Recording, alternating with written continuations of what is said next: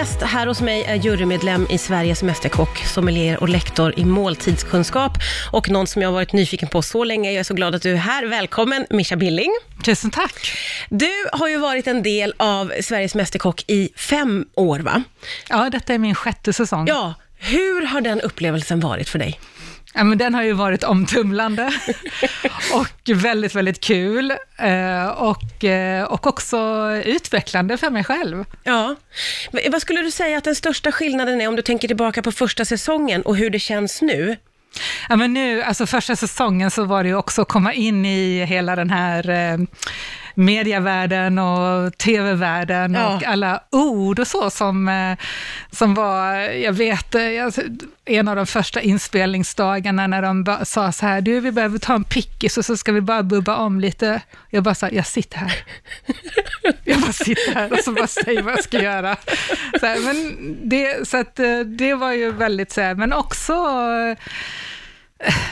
ja men, också det här att det är så mycket i Mästerkocken som är ungefär som att det är på det är direktsändning. Mm. Att tävlingarna är där och då, det spelas in, men det är det som sker där och det är det vi gör då som, som blir. Ja. Uh, och att det är på riktigt, att uh, det är så många deltagare i Mästerkocken som också verkligen förändrar sina liv efter att de har varit med i programmet mm, och, mm. och gör en, en hel omvändning. Ja. Eh, och hur är ditt samarbete med Marcus och Leif, undrar man ju naturligtvis. Ja, men, känns... Berätta gärna allt. jo, då så ska jag säga. um, jag är inte rädd för Marcus blick längre. Nej, du, hur länge var du det? ja, men till förra veckan. Nej, men, nej, men den där blicken, den är ju helt magisk. Ja, den är uh, uh, men, nej, men det känns som att vi har vuxit ihop och blivit någon, så lite grann ibland som Knatte, Fnatte och Chatte, eller som Björnligan, eller som syskon. Så här, det, det är otroligt kul att jobba tillsammans med dem. Det känns som att ni kompletterar varandra väldigt, väldigt bra. Ja. Och att ni liksom funkar bra ihop, upplever jag. Ja, det gör vi. Vi har väldigt kul, men vi är också väldigt... Eh, att vi står i det som vi är professionella i. Mm. Och, eh, och håller på det som vi tycker. ja, just det. Eh, ja. Lite tufft ibland. Ja, men kan det bli då att ni kan liksom stångas lite om... Oh, absolut. Ja, men det är lite mer bakom, det får inte vi se så himla mycket, upplever jag, eller? Nej. Nej. Men det är mer att vi, att vi tycker olika, eh, kanske om sådär, och, och då är det ju två mot en som vinner. Ja, just det. Hur, vilka två brukar Ja, men det oftast? kan vara lite olika. Ja, det är olika. Ja, det kan vara olika. Ja, och det är ingen som är lite sådär snarstucken och blir sur om den röstas ner och så? Uh, kanske beror på hur mycket man har sovit på natten innan. Okej, okej. Nej. Nej, det är det inte. Du, vi ska fortsätta prata. Du har ju som jag sa inledningsvis här väldigt många strängar på din lyra. Du har också ägnat dig en hel del åt forskning. Jag vet ju att du har forskat på eh, upplevelser av doft och mat och hur människor kommunicerar inom det området. Vad kan du berätta om det? vad, är, vad är det för forskning? Nej, men det är väl egentligen så här är det ju, att det här med att uttrycka vår upplevelse av doft och smak, um, det är så att vår hjärna är byggd så att vi har egentligen ingen motväg mellan själva den här känslomässiga upplevelsen, som sitter liksom där bak i det som man lite skojsigt kallar reptilhjärnan, ja. och sen så då här fram där vi har då vårt, eh, ja, språket så att säga. Det finns ingen direkt koppling, en skitbra koppling mellan de här Nej. två.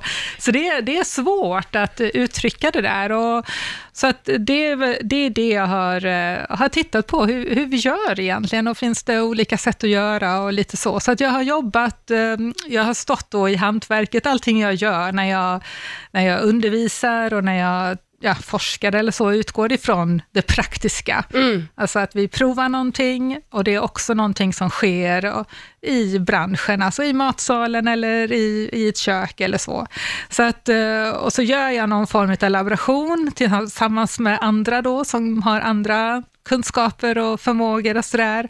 Och, ehm, eh, och sen så sammanställer vi det och, och då eh, ja, får fram vad är det här för någonting? Men det blir ju inte någon sanning. Det är inte så att det kommer en sanning. Det är bara mer så där kanske att eh, det betyder väldigt mycket hur vi använder vår kropp alltså när vi pratar, eh, vilka ord man väljer Mm. och hur man eh, liksom säger det. Alltså, Ja, ja, ja, och hur man följer varandra och lite vad är det som förväntas och, och sådana här saker. Så att det, och likadant också kan man väl säga just det här med i och med att vår upplevelse av doft och smak sker ju liksom inom oss hela tiden. Det är ingenting som är visuellt eller hörbart. Eller så, så att det, det blir ju också då lite sådär en osäkerhet och det öppnar ju upp för sådana här som vill positionera sig. som då säger sådana där lite saker som att trycka ner, att man kan använda det på ett sätt att då skaffa sig en position och lite sådana här Ja, saker nu, också. nu pratar du om sådana snobbar inom mat och vin och allt vad det är. Den goda smaken, jag vet vad den goda smaken är. Du, jag har alltid varit så jätteimponerad. Dels över att du verkar ha en helt unikt bra eh, lukt och smaksinne. Eh, är det det? nej. nej, men jag har ju jobbat med det här i över 30 år.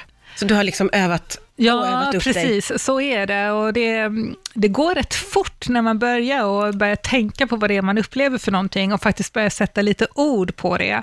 Så går det rätt snabbt. Det märker jag ju framförallt när jag har studenter som börjar. Ja. Ehm, Sådär att det tar någon månad och sen plötsligt så, så har de börjat hitta, de kan säga vad de är bra på och, och hitta och vad de kanske är lite sämre på och de börjar få lite små ord och sådär och då börjar de kunna prata med varandra på ett annat sätt, att man hittar samma ord. Så man, det blir svårt om jag säger att eh, Åh, det, här, det här luktar precis som hemma hos min mormor. Mm.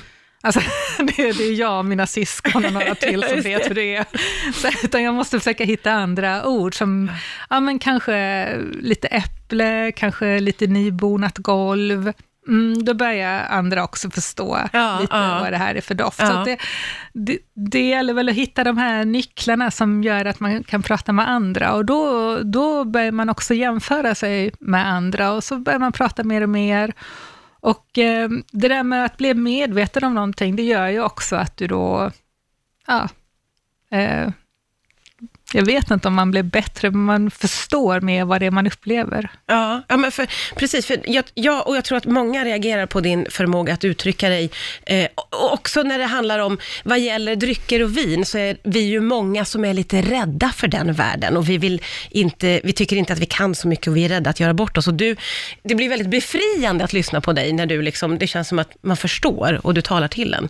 Ja, och det där är ju någonting som hänger kvar, framförallt i vinets värld, alltså det där att eh, Ja, jag tror det är något här gammalt, att när man provar vin så handlar det inte om att man ska berätta om hur man tycker att det smakar och när man tänker att gud, det här skulle jag vilja använda eller dricka då och då, eh, kanske lite svalare i det där glaset eller tillsammans med det här eller så, utan det, det har länge varit det där att man ska pricka rätt, att man ska säga vad det är för någonting. Ja, just Att det är det. någon slags blind... eh, Man ska ha sen- koll. Ja, någon sån här Ja. memory liksom.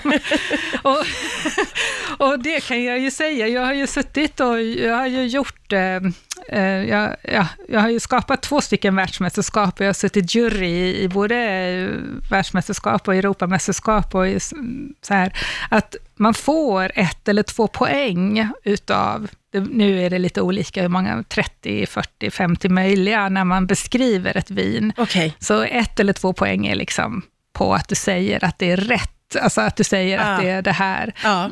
Det du får mest poäng på, det är själva beskrivningen och att den stämmer överens. Ah, Okej. Och också hur du tänker att du ska använda det. Så då är inte året så himla viktigt på det stora hela. Det finns så otroligt mycket mer som jag skulle vilja prata med dig om, men jag ska släppa iväg dig. Jag vet ju att du eh, har ett nytt forskningsprojekt på gång, Ja. något som handlar om AI. Ja. Du får nästan komma tillbaka till mig när du eh, kan berätta om det, för det blir man ju otroligt nyfiken på. Ja, ja, men det gör jag gärna. Du är välkommen tillbaka när som helst. Tack snälla Mischa Billing för att du kom hit idag. Tusen tack.